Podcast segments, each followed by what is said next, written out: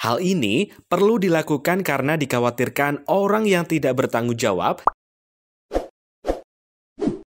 Bagi kamu yang sering menggunakan masker sekali pakai, yakin sudah benar cara buang maskernya? Yuk, pastiin lagi.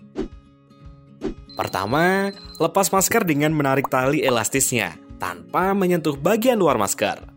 Kemudian, rendam masker bekas pada larutan disinfektan atau klorin atau pemutih. Langkah ini dilakukan agar kita tidak tertular penyakit jika ternyata masker kita terpapar virus.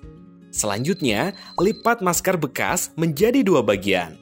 Setelah itu, gulung masker dan ikat menggunakan talinya. Robek atau potong masker menjadi dua bagian. Hal ini perlu dilakukan karena dikhawatirkan orang yang tidak bertanggung jawab akan mendaur ulang masker bekas dan dijual kembali ke pasaran. Terakhir, masukkan potongan masker dalam kantong plastik. Ikat rapat kantungnya, baru deh buang ke tempat sampah khusus jika sudah tersedia di wilayahmu.